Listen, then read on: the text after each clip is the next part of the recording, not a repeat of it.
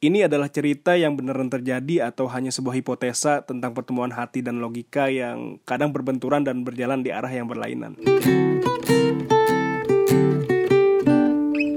Sebuah keadaan. Mengapa seseorang bisa mencintai sendirian?